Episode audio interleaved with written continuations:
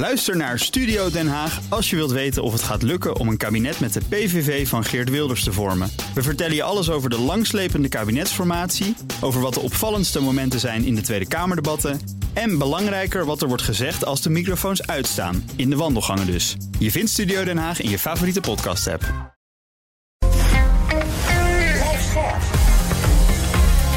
BNR Nieuwsradio.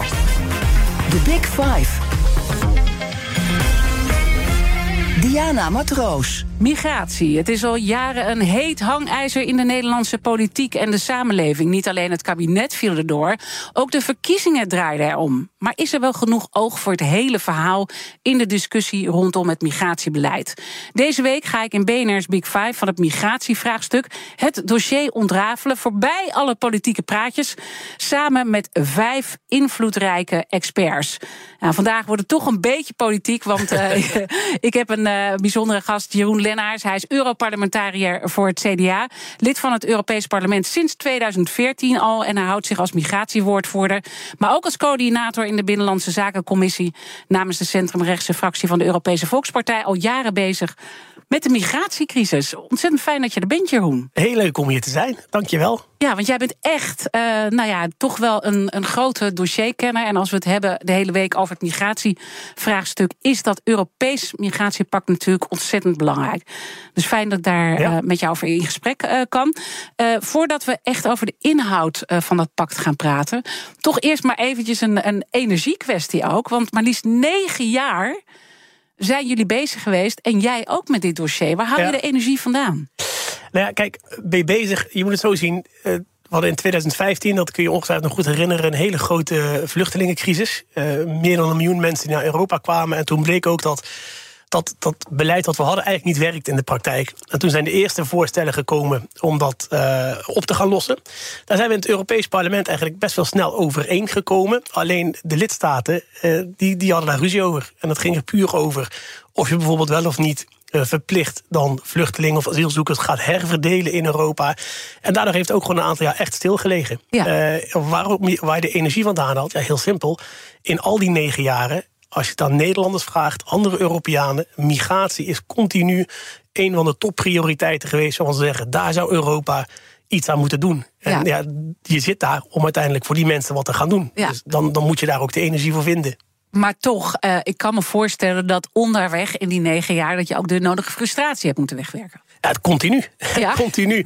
Maar heel eerlijk gezegd, in het Europees Parlement raak je wel een beetje gewend aan frustratie. Omdat soms dingen gewoon niet zo snel gaan als je wilt dat ze gaan. Als je daar niet tegen kan, dan uh, zit je daar op de verkeerde plek. Dus je moet juist blijven vechten om, um, om resultaten te boeken. Om een voorbeeld te geven. December, vlak voor kerstmis, toen hebben we dat akkoord uiteindelijk gesloten. Dat ging ook niet uh, makkelijk. we hebben uiteindelijk zijn op, op dinsdagmiddag om 12 uur begonnen met onderhandelen. En woensdagochtend om half negen waren we klaar. Uh, ja. Na 20 uur. Dus je, je, moet er wel wat energie in steken. Ja, het hoort ook een beetje bij Europa ja. en überhaupt bij politiek dat je geduld moet hebben natuurlijk. Maar heb je ook frustratie ondervonden vanuit je eigen partij? Ik neem maar een, een commissievoorzitter Ursula von der Leyen, die natuurlijk ook uh, van, van jouw partij uiteindelijk is. En die toch ook het niet zag zitten om die hekken te plaatsen. Nee, maar daar, daar, kijk, daar heb ik mijn eigen uh, ruzietjes mee. Natuurlijk ook met von der Leyen, die van mijn eigen partij is. Niet omdat ik vind dat Europa overal hekken moet gaan plaatsen. Maar wat ik hypocriet vind, uh, en dat heb ik ook tegen Ursula von der Leyen gezegd... is zij maakt een, een analyse waarin ze zegt... we moeten die Europese grenzen versterken. En een zwak punt, zei ze zelf, is de Turks-Bulgaarse grens. Mm -hmm. De Bulgaren zelf zeggen... de enige manier om dit echt op te lossen... is om daar gewoon fysieke infrastructuur neer te zetten. Een hek of een muur, maakt niet uit. En dan zegt de Europese Commissie: ja, dat mag wel, maar daar gaan wij niet aan meebetalen. En dat vind, ik geen, uh, dat vind ik geen eerlijke gang van zaken. Als je onze buitengrens, die van ons allemaal is, wil versterken. en ze zeggen daar, dat moet op die manier. Mm -hmm. dan moet Europa ook zeggen, dan helpen wij dat. En je hebt elke keer natuurlijk gezien dat het een heel gevoelig uh, dossier ja. ook uh, is. En daar komen we straks ook wel verder over te spreken. Maar als je bij jezelf dan kijkt, hè, er, er is eigenlijk nu met het pact is er natuurlijk ook wel een kentering. Hè? Want dat is natuurlijk ook wel een erkenning van nou ja, een hele grote groep die heeft gezegd van we moeten hier echt wat uh, aan doen. Dus dat pact, uh, dat ligt er nu. Uh, maar wat was voor jou een moment dat je dacht, um, dit moeten we echt anders gaan doen? Het gaat niet goed zo. Maar ik denk dat dat moment eigenlijk al in 2015 is gekomen. Uh, omdat je toen zag. Niet al eerder, want het was echt bij jou dat 2015 moment. Ja, toen zag je echt dat het, dat het gewoon niet werkte. Ook omdat de, de, de toename van het aantal mensen dat naar Europa kwam ineens fors hoger werd. Mhm. Dat je zag dat de regels die we hadden, uh, bijvoorbeeld de Dublin-regels, daar wel eens van gehoord misschien, dat het, het land, het land waar je als eerste aankomt verantwoordelijk is voor jouw asielaanvraag. Dat werd in de praktijk volledig niet nageleefd, kon ook niet. Dus daar moeten andere oplossingen voor komen. En dat gevoel is alleen maar sterker geworden, omdat waar je in 2015 nog zag dat de, het overgrote deel van de mensen die naar Europa kwamen uit landen als Syrië en Irak kwamen, eh, zie je in de loop der jaren dat die, die samenstelling eigenlijk verandert en dat er steeds meer mensen uit veilige landen eh, de weg naar Europa vinden. En mhm. dat vereist ook weer een ander beleid dan dat we hadden. Misschien is het ook goed om dan echt naar het vraagstuk te kijken. Hè, wat daar nou onder ligt, zodat je ook de besluiten kan snappen. En ook hoe dat dan uh, in de toekomst uh, uiteindelijk gaat uitwerken. Um, wij noemen het deze week de Big Five van het migratievraagstuk. Uh, en eigenlijk heb ik met heel veel uh, nou, hoogleraren ook gesproken deze week. Die zeggen het wordt altijd als een probleem wordt het eigenlijk aangevlogen. Terwijl het probleem is uh, misschien helemaal niet zo groot. Dat gaat overigens ook over arbeidsmigratie. Dus ja. asiel en arbeidsmigratie moeten natuurlijk ook wel goed van elkaar scheiden. Zie jij het nou als een vraagstuk of als een probleem? Oeh, moet, moet je daar een definitie van maken? Kijk, het, het, het hoeft geen probleem te zijn als je het, het goed managt. en ik denk dat juist doordat we het de afgelopen jaren niet goed gemanaged hebben, is het een probleem geworden. Ik denk uiteindelijk Nederlanders, de mensen die ik spreek, grote meerderheid is nog helemaal voor om vluchtelingen op te vangen. Mensen die vluchten voor oorlog en ellende. Maar ze willen ook graag dat mensen die niet mogen blijven terugkeren naar het land van herkomst. En als dat maar in 20% van de gevallen gebeurt, ja, dan heb je wel een probleem. Dan is het meer dan alleen een vraagstuk. En met dit pact is het de bedoeling dat we het managen van dat probleem beter maken, waardoor mhm. het ook geen probleem meer hoeft te zijn. En ben je dan tevreden met het pact wat er nu ligt? Ik ben met het pact tevreden. Maar ik heb ook heel duidelijk altijd gezegd: dit pact is een onderdeel van een, een, een volledige oplossing. En om het echt op te lossen, uh, en om ook echt de, de, de goede kanten van migratie bijvoorbeeld te kunnen benutten, dan zul je nog een aantal andere stappen moeten zetten ook. Daar komen we straks nog wel over uh, te spreken. Maar uh, aan zich uh, blij dat dit ja, punt er Kijk, heel, uiteindelijk wat echt, echt heel belangrijk is. We hebben jarenlang is er gevochten in Europa. Eigenlijk tussen drie soorten landen. Landen in het zuiden, waar mensen in eerste instantie aankomen. Mensen in Noordwest-Europa, zoals Nederland. Of landen in Noordwest-Europa, zoals Nederland. Waar heel veel mensen naartoe reizen. En mensen in Centraal- en Oost-Europa, waar niemand heen gaat. En waar ze dat ook eigenlijk lief mhm. zou willen houden. Mhm. Het feit dat die drie landen, die drie groepen landen binnen Europa nu gezamenlijk een handtekening gaan zetten onder een toekomstgericht asiel- en migratiebeleid, dat is al enorme winst. Dan hebben we namelijk iets wat ook in de praktijk uitgevoerd gaat worden. Het is misschien een compromis, maar in ieder geval wordt er een stap gezet. Hoe is het gelukt om nu wel iedereen uh, nou ja, eigenlijk in die andere manier van denken te krijgen? Ja, een, belangrijk uh, plan wat is losgelaten is uh, de verplichte herverdeling van asielzoekers in Europa. Uh, dat waren een aantal landen die daar echt niet aan mee wilden werken. Uh, en principieel denk ik, een beetje naar analogie van de Nederlandse spreidingswet, zou het goed zijn als ieder land zijn steentje bijdraagt. En als dat niet vrijwillig is, dan maar verplicht. Maar in de praktijk moet je daar ook een beetje pragmatisch in zitten. En uh, het gaat ook een beetje tegen mensenrechten in, denk ik, om bijvoorbeeld asielzoekers uit Syrië verplicht naar Hongarije te brengen. Terwijl de Hongaren ze niet willen hebben. Uh, en zij er ook op geen enkele manier op een fatsoenlijke manier opgevangen zouden kunnen worden. Dus daar hebben ze voor een, een iets flexibelere uh, uh, route gekozen. Die uiteindelijk de zuidelijke lidstaat het vertrouwen gegeven heeft dat hun problemen opgelost worden, zonder uh, het te verplichten voor de rest. En dan, dan zit er onderdeel van het pact is dat je dus ook geld kan betalen als je er geen zin in hebt. Hè? Dus, dat is eigenlijk uh, plat gezegd. Zoals dat mooi, mooi verwoord wordt, het is verplichte solidariteit, ja. maar op een flexibele manier. Dus de commissie, en dat is ook heel belangrijk, gaat vanaf nu ieder jaar een analyse maken. Want wij verwachten het komende jaar zoveel mensen die naar Europa komen. Dan hebben wij zoveel opvangplekken nodig. We hebben zoveel mensen nodig voor de procedures. En dan kunnen lidstaten gewoon aangeven: oké, wij kunnen zoveel mensen overnemen. Of wij willen financieel bijdragen. Of we willen bijdragen aan het leveren van mensen mm aan de buitengrens. Met het idee dat dan die, die opgetelde vrijwilligheid ook genoeg is om lidstaten als Italië en Griekenland echt te ontlasten. Voordat we echt in het proces gaan van hoe dat nou allemaal werkt en hoe die screening ook werkt en hoe, hoe het aan de grenzen uiteindelijk gaat, uh, toch misschien nog goed om aantallen te schetsen. Hè? Want dat is denk ik ook iets wat mhm. de mensen heeft doen uh, veranderen qua gedachten hierover. Hoe, hoe snel gaat het als het gaat om het aantal asielaanvragen en de, de extra toestroom die we zien?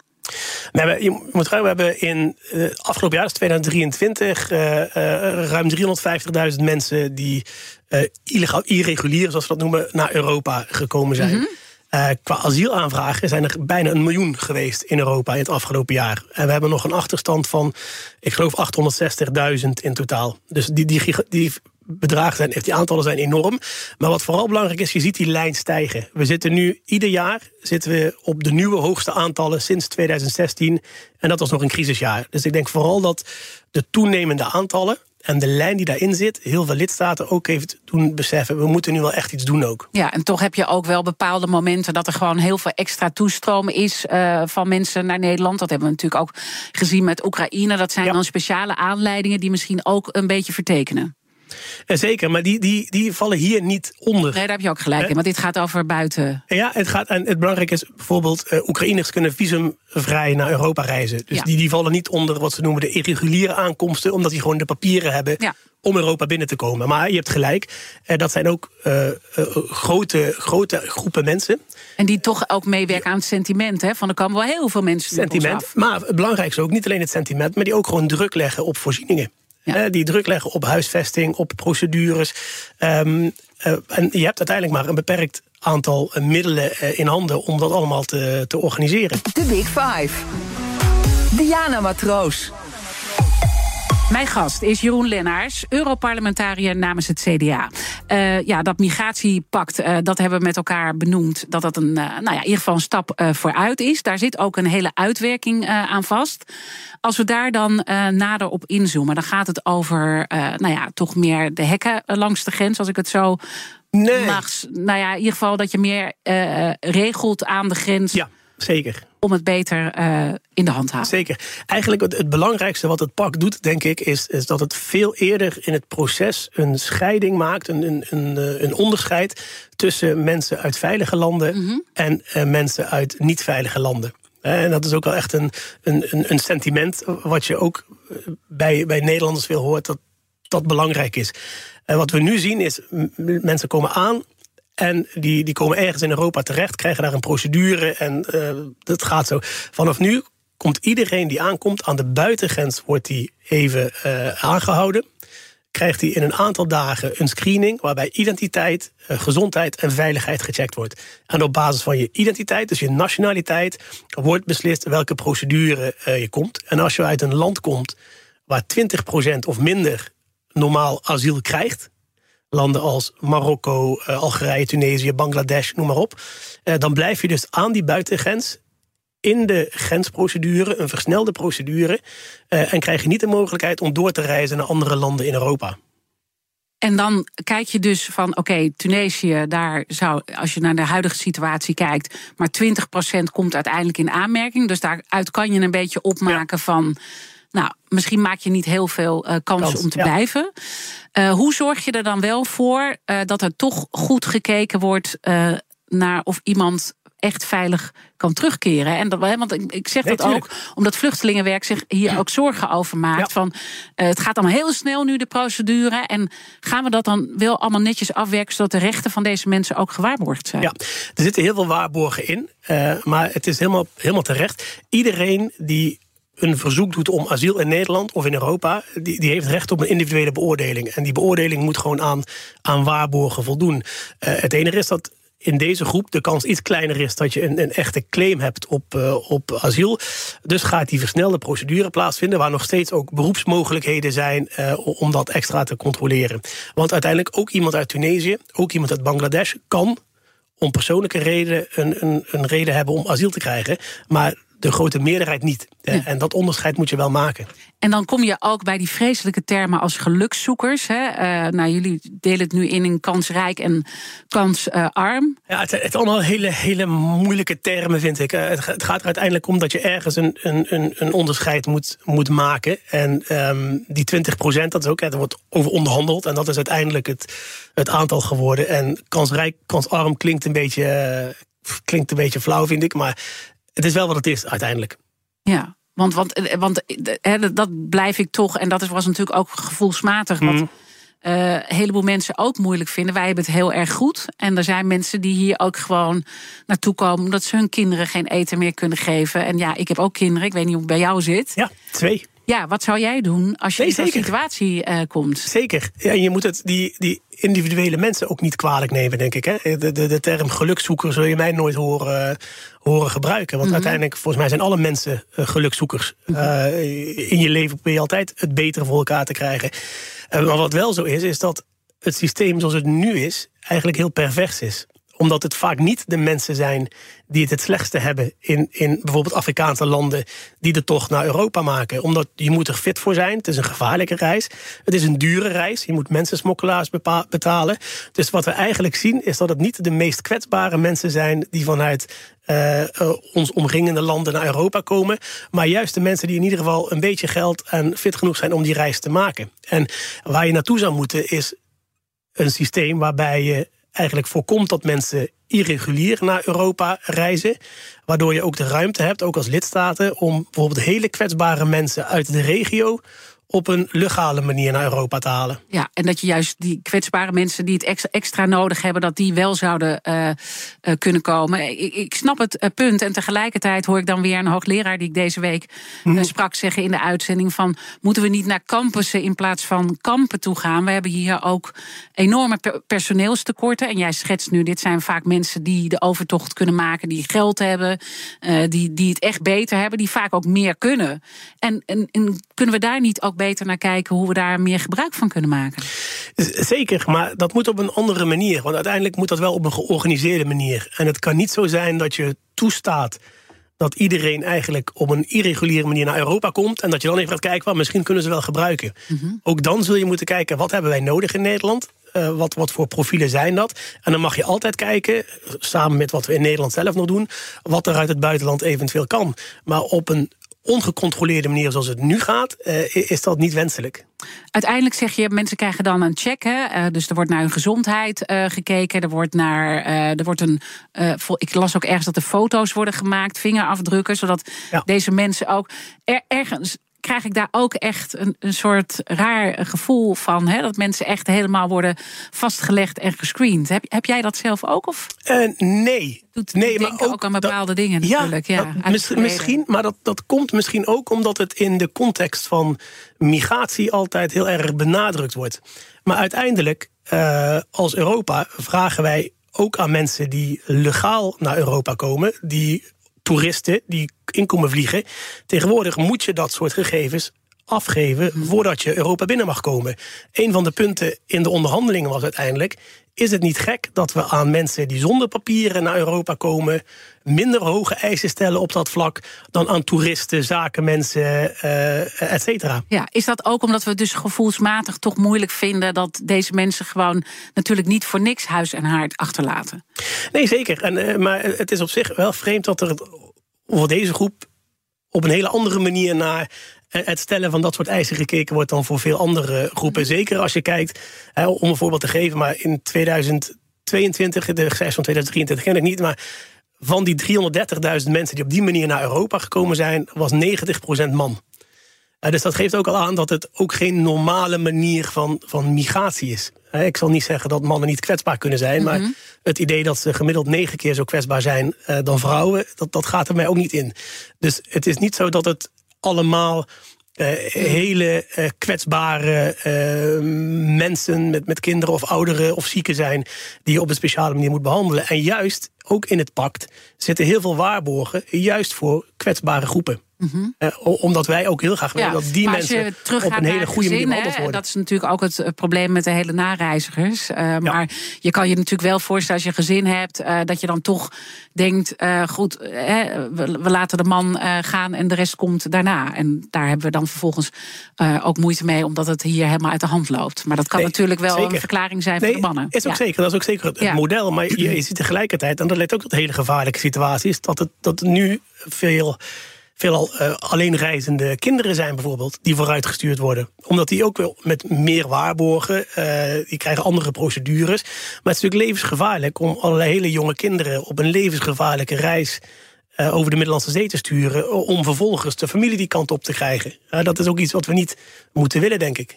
Uiteindelijk zijn deze mensen dus worden helemaal gescreend. Dan kan je dus al de shifting maken. Dat moet dan, als het goed is uh, vrij snel gaan. Zie je daar nog problemen, bieren op de weg qua capaciteit? Nee, omdat dat, een van de, dat was een van de grootste. Uh, twijfelpunten van het Europees Parlement. Ik denk wel in brede zin, ook van meerdere politieke partijen. We hebben natuurlijk in het verleden ook al goede plannen gehad. De, de, toen we de hotspot, ik weet niet of je het nog kent, gingen, gingen neerzetten op de Griekse eilanden ja. bijvoorbeeld. In theorie een heel goed plan. Uh, in de praktijk een verschrikkelijke uitwerking, omdat de capaciteit gewoon niet op orde was. Procedures gingen te langzaam, mensen bleven te lang, kampen raakten overvol. En we kregen Moria, uh, uh, een soort van hel op aarde. En dat is wat we absoluut niet meer willen. Dus we hebben erop aangedrongen bij de Europese Commissie. Van, ga nou ook eens berekenen met de cijfers van de afgelopen jaren wat je in de toekomst nodig hebt om dit op een goede manier te doen. Dus het is ook voor het eerst dat in de wetgeving is vastgelegd dat er minimaal 30.000 opvangplekken aan de buitengrens van de Europese Unie beschikbaar zijn. En dat er dus ieder jaar een analyse gemaakt wordt door de Europese Commissie van we hebben zoveel nodig voor dit jaar en dat daar dan ook het geld voor beschikbaar komt. En dat kan dus dan ook opgeschaald worden als ja. je dus de verwachting hebt ja. dat het meer uh, zal worden. Ja. want we horen natuurlijk allemaal verhalen ook van uh, uit uh, nou ja, de droogte in bepaalde plekken zullen er meer mensen in de toekomst ook naar Europa gaan afreizen. Ja, nee zeker. Dat, het hele, het hele, dat het een van de goede punten van het nieuwe beleid is dat je echt ieder jaar een analyse gaat maken. Wat verwachten we? Mm -hmm. En dat je daar ook op in kan spelen. Dan zegt de commissie gewoon, we hebben zoveel nodig. En die 27 lidstaten, die moeten dat dan leveren. Letterlijk vastgelegd. Uiteindelijk is er dan een deel die wordt gezien als uh, niet kansrijk voor een uh, procedure. Wat gebeurt er met die mensen? Nee, die krijgen allemaal een procedure. Uh, mm-hmm. Alleen de, de mensen die uit veilige landen komen, die krijgen een versnelde procedure aan de buitengrens. En wat je in de huidige situatie ziet, is die zouden dan officieel in Griekenland of Italië moeten blijven, maar ze reizen door naar landen als Nederland, Duitsland, Zweden. Uh, en het zijn ook vaak. Ja, maar, maar als er dan wordt gezegd van, uh, nou, dit, dit, dit, is, dit is een prima land om naartoe terug te gaan, hè? Ja. dan uh, krijg je geen bewegingsvrijheid, toch? Of beperkte bewegingsvrijheid? Uh, nee, dus het idee oh. van, de, van de, uh, de, de versnelde grensprocedure mm -hmm. is dat je niet de mogelijkheid krijgt om de Europese Unie in te reizen. Het is een beetje zoals hier op Schiphol. Ja. Um, wij doen dat in ja, Nederland dat bedoel ook. ik. Dus ja. de be beperkte bewegingsvrijheid. Of eigenlijk geen bewegingsvrijheid. Nee, nee dus niet, je, hebt niet de, je krijgt niet het recht om het grondgebied van de Europese Unie toe te treden. Net zoals je hier op Schiphol, als je bij de grenscontrole aankomt... je hebt niet de juiste papieren... dan kom je hier op de opvang in, in Schiphol terecht. En dan ben je wel in Nederland, want we weten allemaal dat Schiphol in Nederland ligt. Maar juridisch gezien heb je geen toegang tot het Nederlandse grondgebied. Lijkt me geen aantrekkelijk idee voor deze mensen. Is dat ook waar jullie op hopen dat het ook uh, nou ja, afschrikt en mensen toch minder snel de kans vragen?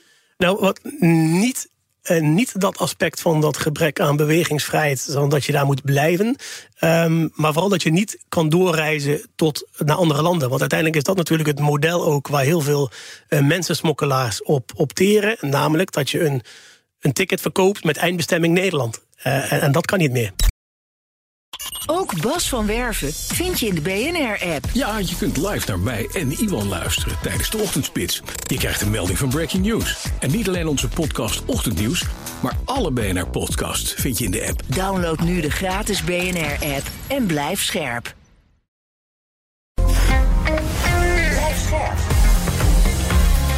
BNR Nieuwsradio. The Big Five. Diana Matroos. Welkom bij Tweede Half Uur. Deze week praat ik met vijf kopstukken uit de wereld van het migratievraagstuk. Eerder deze week sprak ik met Tesseltje de Lange. Zij is hoogleraar Europees migratierecht aan de Radboud Universiteit. Ik sprak met haar met name over arbeidsmigratiebeleid en waar daar nog het meeste te winnen valt als het gaat om het beleid in Nederland. Luister het allemaal terug via onze BNR-app. Mijn gast vandaag is Jeroen Lennaars. Hij is Europarlementariër namens het CDA en migratiewoordvoerder namens de Europese Volkspartij. Komend half uur wil ik in ieder geval nog twee onderwerpen met je bespreken, Jeroen. Namelijk het eh, proces. Want die pact gaat natuurlijk pas later in. En er moeten ook nog wat stappen gezet worden als het gaat om de hele implementatie. Benieuwd van jou te horen wat daar nog complex aan is. En de vertaling van uh, de Europese theorie naar uh, de Nederlandse praktijk. En ook uh, naar dat draagvlak te kijken. En laten we daar beginnen. Eerst maar even dat migratiepact. Hoe zou dat het probleem in Ter Apel? Want dan pakken we even een concreet probleem waar we hier in Nederland over vallen. Hoe zou dat het kunnen oplossen? Nou, ik denk wat, wat belangrijk is voor Nederland, is dat uh, als er asielzoekers naar Nederland komen, ja. dan is dat in allereerst dus alleen maar uit die groep asielzoekers die, die we kansrijk uh, genoemd hebben. Plus dat Nederland zelf uh, kan bepalen hoeveel dat er zijn nu. Dus als Nederland bijvoorbeeld al een overvol ter apel heeft en de spreidingswet loopt nog niet zoals gewenst, uh, dan kan Nederland gewoon zeggen op het moment dat de Europese Commissie vraagt: we hebben zoveel plekken nodig, kan Nederland zeggen: wij doen nu even niet, mm -hmm. maar wij doen een financiële bijdrage of we helpen met personeel. Uh, wat ook heel belangrijk is, denk ik, ook voor het sentiment in Nederland. Uh, en ik zei dat in het eerste deel ook al even. heel veel van de overlast die we in Nederland, maar ook in andere landen ervaren van, van een klein groepje uh, asielzoekers, want dat moet ook echt benadrukt worden.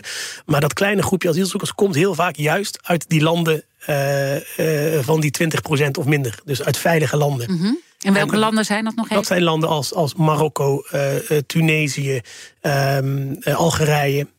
en wat je dus in de nieuwe situatie gaat krijgen, is dat die groep hun procedure aan de buitengrens van de Europese Unie krijgt en dus niet in Nederland terecht zullen komen. En dat helpt ook weer om meer ruimte en draagvlak te creëren om voor die andere groep een fatsoenlijke opvang te regelen en goede procedures te hebben. En je zegt het is een, uh, een kleine groep op het totaal, uh, maar nou ja, je, je, je legt daar een duidelijke relatie. Wie heeft dat onderzocht om dat ook vast te stellen dat het met name deze groepen zijn? Nou, dat zie je. We, we hebben ook in Nederland uh, in de, de, de, de, plannen, die liggen er al een tijdje, maar dat is geen gemeente die het wil, om een speciale uh, opvangvoorziening te organiseren voor overlastgevende asielzoekers.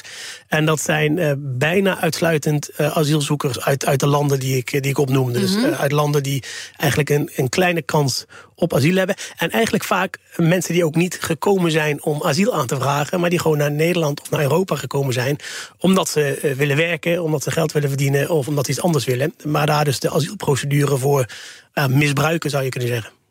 Uiteindelijk um, ben je natuurlijk toch ook afhankelijk met dat Europese migratiepact. wat uiteindelijk de landen ermee gaan doen. Hè? Want je zegt, het is geen verplichting, er zit nog een bepaalde uh, vrijwilligheid.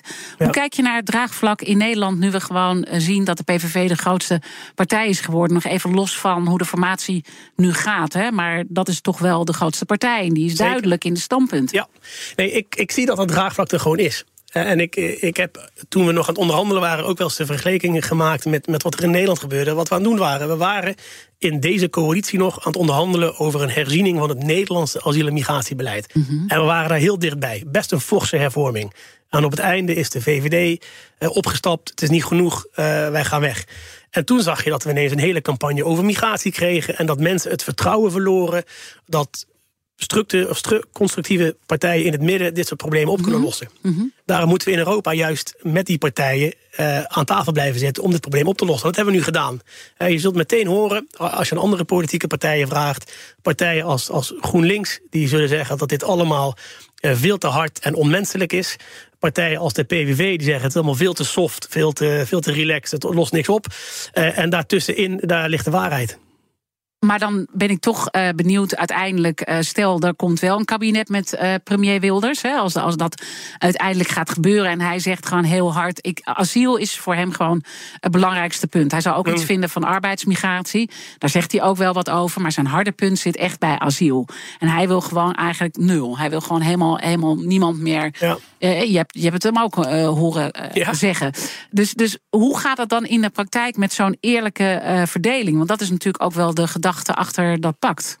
Ja, nou goed, sowieso. Uh, Wilders heeft natuurlijk geen absolute meerderheid in Nederland. Hij zal gewoon moeten regeren met, uh, met andere partijen. En ik denk dat die partijen ook gewoon realistisch genoeg zijn. En dat is volgens mij in de campagne ook al aan bod geweest. Mhm. dat, dat nul is ook geen optie. Uh, dan zou je uiteindelijk ook gewoon uit de Europese Unie moeten stappen. Is hij toe bereid? Maar... Is hij toe bereid? Maar, en dan denk ik ook, ik weet niet of je de, de, de actualiteit in een land als, als Engeland volgt. Mhm. De, de, Engelsen zijn uit de Europese Unie gestapt vanwege onder andere we want to have we want to take back control of our borders. We moeten controle over onze grenzen.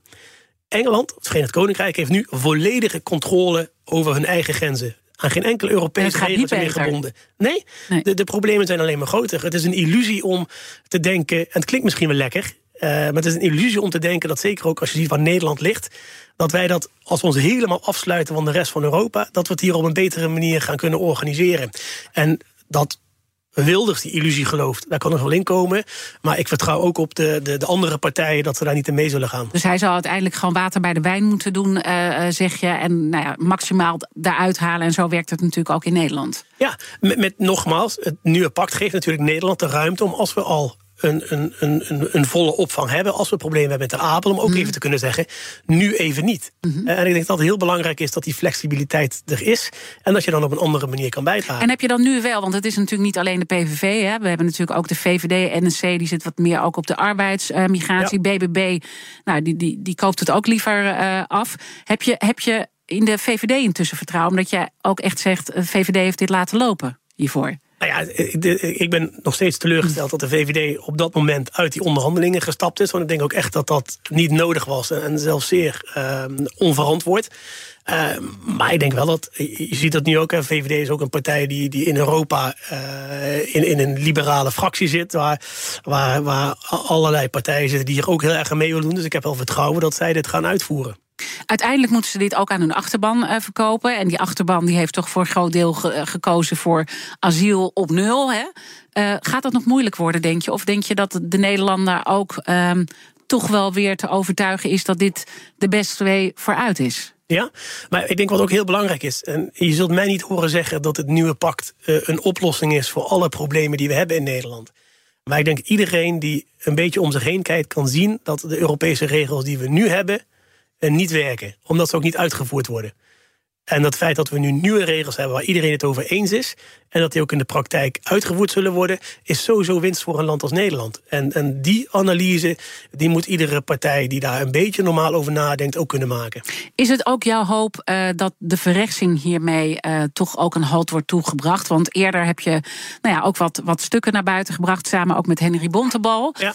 Uh, waarin je ook dat punt benoemt van de VVD heeft dat laten lopen. En daarmee zie je ook een verrechtsing van de kiezer. Ja. Nou ja, wat, wat vooral wat mij, wat mij echt, echt wel gestoord heeft, is dat de VVD heeft, is weggelopen van die onderhandelingstafel. En heeft daarmee ook aan de Nederlandse kiezer eigenlijk gezegd. Die oplossingen voor dat probleem, wat jullie ook heel belangrijk vinden, migratie, die gaan we in het midden niet vinden. En dat dan de kiezer denkt, ja oké, dan gaan we het rechts opzoeken. Dat, dat neem ik de kiezer in ieder geval niet kwalijk. En ik denk juist dat het een taak is van partijen als de VVD, maar ook van het CDA, om aan te tonen dat, dat het nooit helemaal zwart of helemaal wit is. Maar dat, die, dat in de nuance en in, die, in dat midden, dat daar die oplossingen gevonden kunnen worden. En dat je mhm. daar ook voor in moet zetten. Ook als dat niet 100% krijgt wat je wil. In Europa raak je eraan gewend. Met 27 lidstaten krijg je nooit helemaal wat je wil. Maar dat geldt in de Nederlandse politiek natuurlijk ook. En je moet ook het lef hebben om compromissen eh, te verdedigen. Uiteindelijk uh, heeft het nu bij de verkiezingen is het niet op tijd geweest. De vraag is wat voor effect gaat uh, de verrechtsing hebben als het gaat om de verkiezingen in Europa. Hè. We weten allemaal in juni uh, gaan we weer naar de stembus. Intussen ligt er dan wel zo'n migratiepact. Gaat dat helpen of is de verrechtsing gewoon een feit? Nou, dat weet ik niet. Eh, ook omdat uh, de verkiezingen zijn over vier maanden. Uh, er kan in vier maanden een hele hoop gebeuren. Ik ben ook heel benieuwd wat er hier in Den Haag allemaal gaat gebeuren de komende vier maanden. En wat voor een impact dat heeft. Uiteindelijk, als je heel eerlijk bent, worden Europese verkiezingen niet snel op Europese thema's uitgevochten. Het is heel vaak toch een, een, een snapshot van de politieke situatie in een bepaald land. Je ziet ook in sommige landen uh, enorme toegang van rechts. In Nederland, in België zien we dat ook. In andere landen, zoals in Polen, is, is populistisch rechts juist verslagen bij de laatste verkiezingen. Dus het is een beetje een, een mixed picture. Wat wel heel belangrijk is, is dat we in ieder geval geen ruzie meer gaan maken over asiel en migratie in de Europese Unie de komende maanden. Omdat iedereen nu dit pact heeft en daar ook achter staat. Misschien is het ook mooi om dan ook dat andere punt even erbij te pakken van de arbeidsmigratie. Ik sprak eerder met Ingrid Thijssen, voorzitter van VNO-NCW. En we hebben altijd de kettingvraag. En die had deze vraag voor jou. Luister maar. Nou, ik ben eigenlijk wel heel benieuwd ook um, iemand die zo internationaal werkt en ook het Europese zo goed kent, of er landen zijn die een uh, goede visie hebben op arbeidsmigratie en ook een goede manier om dat in praktijk te brengen. Hele goede vraag. Um, kijk, ik, dan zou ik eigenlijk buiten Europa kijken. Ik vind namelijk een land als Canada uh, doet dat best heel slim. Die hebben gewoon een, een, een, een puntensysteem voor migratie. Je kunt in zes categorieën kun je punten krijgen op basis van je taalkennis, je, je skills, je leeftijd. En als je aan een aantal punten uh, uh, toekomt, dan krijg je het recht om bijvoorbeeld als arbeidsmigrant naar Canada te komen. En daarmee heb je en zorg je ervoor dat het bedrijfsleven, waar Ingrid natuurlijk hard voor vecht, voldoende werkkrachten heeft. Maar je houdt ook als, als overheid controle over uh, wat voor type migratie uh, je naar Nederland uh, toestaat. En ik denk dat dat, dat een, best een inspiratie kan zijn voor veel Europese landen. Ondanks dat geografisch ja. gezien en zo ligt Canada in een volstrekt andere realiteit dan Europa. Dat moet je ook toekennen. Maar zo een systeem dat je echt die controle pakt over migratie, meer kan sturen, is heel belangrijk. Ook Hugo Reitsma vind je in de BNR-app. Superhandig die BNR-app. Je kunt alle programma's live luisteren, breaking nieuwsmeldingen. Je blijft op de hoogte van het laatste zakelijke nieuws. En je vindt er alle BNR-podcasts, waaronder natuurlijk de belangrijkste, Boeken zijn in de wijk. Download nu de gratis BNR-app en blijf scherp. BNR Nieuwsradio. The Big Five. Diana Matroos. Je luistert naar BNR's Big Five van het migratievraagstuk. Eerder deze week sprak ik met Ingrid Thijssen. Je hoorde net al even haar kettingvraag. Over het belang van arbeidsmigratie voor de Nederlandse arbeidsmarkt. En zij geeft ook heel erg aan. Er worden zoveel termen allemaal uh, door elkaar gegooid. En uh, verhalen met elkaar gemixt. En dat doet de discussie uiteindelijk geen goed. Luisteren terug via bnr.nl en de bekende podcastkanalen. Mijn gast vandaag is Jeroen Lennaars, Europarlementariër namens het CDA. Ben je het eens met Ingrid Thijssen? Ja, zeker. Je merkt het ook in iedere discussie over migratie die je hebt. Uh, studentenmigratie, uh, uh, arbeidsmigratie, asiel, vluchtelingen. Het wordt allemaal door elkaar gegooid en het levert geen zuivere discussie op. terwijl je juist eigenlijk ook vanuit Nederland een, een wat meer alomvattende visie zou moeten hebben op het hele pakket. Ja, en misschien snappen we ook gewoon bepaalde dingen niet precies hoe ze werken uiteindelijk in de praktijk, waardoor we maar wat roepen. Ja, maar het, het kan ook oprecht soms heel ingewikkeld zijn. Ja. Om een voorbeeld te geven een van de problemen waar, waar, ik gefrustreerd van raak, is dat we heel veel mensen op onze arbeidsmarkt zien die er eigenlijk niet zouden mogen zijn. En dat zijn bijvoorbeeld uh, Bosniërs die via Slovenië, uh, die officieel in Slovenië werkzaam zijn, en dan naar andere landen in Europa zogezegd gedetacheerd worden. En er werken dus meer Bosniërs in de bouwsector in Duitsland en Oostenrijk dan er in heel Slovenië mensen in de bouwsector werkzaam zijn. Ja, ja. En dat soort, dat soort uh, ja, loopholes, dat soort mazen in de wet. Daar moeten we in Europa echt wat aan doen nog. En er is dus nog heel veel uh, te doen. Hè? Want ja. ook dat migratiepak, daar begonnen we eigenlijk uh, mee aan het begin uh, van de uitzending. Je bent heel erg blij dat dit er nu ligt. Hè? Dat is zo moeilijk om al die ja. landen achter één akkoord uiteindelijk te krijgen. Maar je zegt, we zijn er ook nog niet. En dat zit ook met de verdere aanpak die natuurlijk nodig is met de landen van herkomst. Ja. met de derde landen, maar ook met de mensensmokkelaars. Laten we beginnen met de mensensmokkelaars. Hoeveel geld gaat er ook weer in om? In die, in, in die nou, sector? De, de, de, schatting is dat de, de globale markt voor mensensmokkelaars tussen de 4,5 en de 7 miljard per jaar is. Het is een geld, hè? Het is ja, en het is, het is puur uh, geld verdienen aan de ellende van mensen. Het is een hele pervers, uh, heel pervers businessmodel. En dat moet je echt op, op wat voor manier dan ook kapot zien te maken. Ja, en ik denk dat daar ook de complexiteit zit. Want dit soort mensen verzinnen altijd weer nieuwe manieren ja. om uiteindelijk. Hè, ik bedoel, dit zie je, zie je ook in de drugswereld. Is het één verboden, dan krijg je de ja. nieuwe drugs. Er wordt altijd een manier gevonden, ook om het hier uh, te krijgen. We, uh, hoe, hoe kan je dit nou uitbannen? Ja, en vooral ook dat je er. Want er worden in heel veel landen worden heel veel mensensmokkelaars opgepakt. Uh, het aantal arrestaties van mensensmokkelaars neemt steeds toe. Maar de, de, echte, de echte bazen uh, erachter, die zijn veel moeilijker te grijpen. En daar moet je A, veel meer Europees samenwerken. Er ligt nu een nieuw wetsvoorstel om bijvoorbeeld uh, Europol fors uit te breiden. ook om de strijd tegen mensensmokkel aan te kunnen gaan. daar ga ik me mee, mee bemoeien. En wat heel belangrijk is, is dat je samenwerkt met de, de landen van, van herkomst en doorreis. Om te voorkomen dat uh, migranten zoveel geld betalen aan smokkelaars om die overtocht te maken. En dan uh, zijn er ook al gesprekken volgens mij uh, met landen gaande. Hoe, hoe moeten we dat aanpakken zodat een land ook denkt van ik wil hier aan meewerken. Want wat is vaak de reden om niet mee te werken? Laat ik daarmee beginnen. Nou, je, ziet, je ziet dat het voor, voor heel veel landen van, van doorreizen bijvoorbeeld helemaal niet zo uh, niet zo interessant is om samen te werken met Europa. Want als die mensen daar vertrokken zijn, hebben zij er uh, even plat gezegd geen last meer van. En die mensen gaan naar Europa toe, die gaan daar vaak werken, die sturen dan vaak geld terug naar de landen van herkomst. Dat is een interessante inkomstenbron, vaak hoger dan wat wij als Europese Unie aan ontwikkelingshulp uh, aan die landen geven, bijvoorbeeld. Ja. Dus je moet, je moet met die landen, en ik denk dat dat misschien ook een les is van de afgelopen jaren. We hebben soms ook in Nederland uh, misschien iets te veel gedacht van, nou, die mensen moeten gewoon met ons meewerken. En wij leggen wat geld op tafel, jullie uh, werken met ons mee. En als je nee zegt, dan gaan we gewoon nog wat harder schreeuwen of dan worden we wat bozer. Terwijl landen als Tunesië, als Egypte, als Marokko, die hebben vooral behoefte aan gewoon strategische partnerschappen met de Europese Unie op basis van gelijkwaardigheid, die over meer gaan dan alleen migratie. Waar migratie gewoon één van de onderdelen is, naast economie, handel, hm. ontwikkelingshulp, investeringen, innovatie. Ja, maar uiteindelijk uh, komt het erop neer dat wij gewoon heel veel moeten gaan betalen aan dit soort landen. Uiteindelijk om ze dan met ontwikkelingssamenwerking te helpen. helpen. Ja. Ja, zeker. Je moet daarmee helpen. En dat is uh, in, in die zin ook nog wel in het belang van die landen, omdat de reis, en het is de laatste tijd misschien niet meer zo heel veel in het nieuws, maar de reis over de Middellandse Zee, tegenwoordig vaak op hele kleine, speciaal gemaakte metalen vlotjes, die sowieso niet zeewaardig zijn, is levensgevaarlijk. Er komen nog steeds duizenden mensen om het leven ofwel daarvoor al in de Sahara of op de Middellandse Zee. En dat zijn ook allemaal onderdanen van landen in Afrika of in Azië. En al dat alleen al zou wat mij betreft een, een heel sterke impuls moeten geven om dat samen aan te pakken. Ja, en dan toch ben ik verbaasd dat er nog zoveel mensen eigenlijk geen recht hebben om hier te zijn. Hè? Want als je die doodenge oversteek maakt, dan, dan, dan moet je toch echt heel graag weg willen. Dan moet je toch een hele goede reden hebben eigenlijk om weg te gaan. Of is dat mijn naïviteit? Nou, ik, ik weet niet of dat naïviteit is. Ik denk dat uh, geen verhaal is hetzelfde.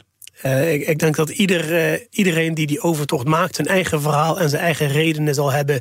en ook gewoon enorme druk voelt. we kennen ook verhalen van, van mensen die naar Europa komen... waar een, een heel dorp geld bij elkaar gelegd heeft... om diegene naar Europa te sturen om daar geld te gaan verdienen. En als je die druk op je schouders hebt van een, een heel dorp wat jou gefinancierd heeft om dat te gaan doen, ja, dan snap ik dat je ook uh, door, door alle muren heen wil breken om dat doel te bereiken. En toch, en toch ook zo'n schrijnend verhaal. Uh, dat is dan ja, een schrijnend verhaal, maar niet iets waar wij verantwoordelijkheid voor moeten voelen. Nou, je moet wel een verantwoordelijkheid voelen, maar uiteindelijk moet je die verantwoordelijkheid ook uh, daar ter plekke oplossen. Uh, een, een van de dingen wat ik prachtige, prachtige procedures vind, is begeleid vrijwillige terugkeer binnen Afrika bijvoorbeeld. Dat je mensen die uh, onderweg zijn naar bijvoorbeeld Tunesië of naar Libië vroeger. Die, die probeer je in een eerder stadium al te leren kennen. En ook perspectief te bieden met microkredieten bijvoorbeeld. Om in hun eigen land uh, uh, hun dromen na te jagen. En er zijn een mhm. paar prachtige voorbeelden. En ik weet, het is de minderheid. Een paar prachtige voorbeelden van hoe dat werkt. Ook omdat heel veel van de mensen die in Europa aankomen... echt met valse beloftes hier naartoe gekomen zijn. Eh, echt alsof het hier echt een soort beloofd land is. Uh, waarin je uh, zonder veel te werken heel veel geld kan verdienen. In prachtige hotels wordt opgewonden, et cetera, et cetera. En voor heel veel mensen, we zien het nu ook bijvoorbeeld in Portugal. Ja. Uh, zie je dat als ze eenmaal in de realiteit terechtkomen. Ehm, dat die toch een stuk minder mooi was dan wat hen voorgespiegeld is. Ja, en, en, en ja, de vraag is dus nu: van, um, dan, dan hebben we dat pakt en dat gaat in per. Over twee jaar. Over twee jaar. We moeten er nog over stemmen. Dus, uh... Ja, want, want kan het nog. Uh, uh, want ik merkte dat daar eerder deze week een beetje discussie over was. De een zei nou, het kan nog van tafel. De ander zei nee, dat kan eigenlijk niet meer. Nee, het gaat niet van tafel meer. Maar we moeten het. We hebben dus in, in december. Ook niet als we een, een, een, een extreem rechts Europa gaan krijgen na Nee. de verkiezingen? Nee. Want het, we gaan sowieso nog, niet dat dat de reden is, maar we gaan het sowieso nog voor de verkiezingen eh, afronden. Dus Ja. eh, we hebben nog de allerlaatste plenaire vergadering van het Europees Parlement. Zullen we stemmen over het pact. En dan eh, wordt het twee jaar later zal het operationeel worden. Maar wat kan nog de, de, de, de complexiteit zijn bij de stemming? Of is dat gewoon een formaliteit? is een, nou ja, goed, je moet een meerderheid hebben in het parlement. Het is eigenlijk een formaliteit. Er zijn natuurlijk wel nog wat, eh, ik zal je met de technische details bezwaren, maar er zijn natuurlijk wel een aantal hele interessante technische eh, problemen die nog opgelost moeten worden. Om één voorbeeld te geven, we hebben een aantal landen in Europa die wel lid zijn van de Dublin-akkoorden, maar niet van Schengen. Ja. En het pact raakt zowel Schengen als Dublin. Eh, dus je moet kijken welke regels zijn op die landverpoesting, et cetera, et cetera. Dat is het werk wat nu gedaan wordt. Als dat afgerond is, gaan we er in april over stemmen. En dan is het in eh, de zomer van 2026 is het, eh, Ja. van kracht. En waarom ik het relateerde aan die verkiezingen, is dat je natuurlijk ook heel veel verkiezingsretoriek krijgt in aanloop. En daardoor mensen ook in één keer hele andere dingen kunnen gaan doen. Ja, ik heb wel vertrouwen in, de, in, in, in, in gewoon het gezond verstand van, van mijn collega's dat we daar niet in trappen. Ik vond zelf, eh, we hadden het al over, het is negen jaar. Ik heb zelf meegedaan aan de verkiezingen van 2019. En ik voelde me echt een beetje beschaamd eh, dat we na vier jaar toen eh, nog steeds geen Europese oplossing hadden voor de asiel- en migratieproblematiek. Nadat we alles meegemaakt hadden wat we in die periode meegemaakt hebben. Als ik nu in 2024, straks over vier maanden, campagne moet gaan voeren. en het is weer niet gelukt. Ja, dan denk ik dat ik liever in een hoekje kruip en, eh, en mijn mond hou. Ja, dus je hebt gewoon goede hoop dat het eh, goed komt. Is er nog iets waar je aan twijfelt als het om dit hele grote vraagstuk gaat? Nee. Eigenlijk niet. Terwijl, terwijl ja, ik, ik denk toch, er zullen toch uiteindelijk mensen zijn die weer andere constructies gaan eh, bedenken. Het wordt echt iets van de lange adem. wat- eh, ja. Wat, wat belangrijk is, en dat is ook waar wij als parlement, en dat wordt een hele belangrijke taak voor het nieuwe parlement straks, eh, echt heel, heel, heel scherp toezien op de implementatie. Zorgen dat we ook echt over twee jaar klaar zijn, dat alle faciliteiten die we nodig hebben er zijn. Want daar soms schort het daar nog wel eens aan. Dat we met, met, met heel veel passie en energie de wetgeving Exact, maken. ja. Eh, en dat, eh, dat dan bij de implementatie denk ik, oh, we hebben goed gedaan. Een Schouderklopje voor jezelf. Maar dat er bij de implementatie het, het een beetje eh, wat, wat makkelijker aangepakt wordt. En daar zal het parlement de komende twee jaar echt heel hard op toe moeten zien. We hebben nog één belangrijke taak te verrichten. En dat is de kettingvraag eh, door te pasen. Want volgende week hebben we weer een prachtige Big Five. Een ander thema, zorginnovatie. eh, Gepresenteerd door mijn collega Art Royakkers. En zijn eerste gast is Maruska Rovers. Zij is wetenschappelijk directeur van het Technisch Medisch Centrum van de Universiteit Twente. Wat zou je aan Maruska willen vragen?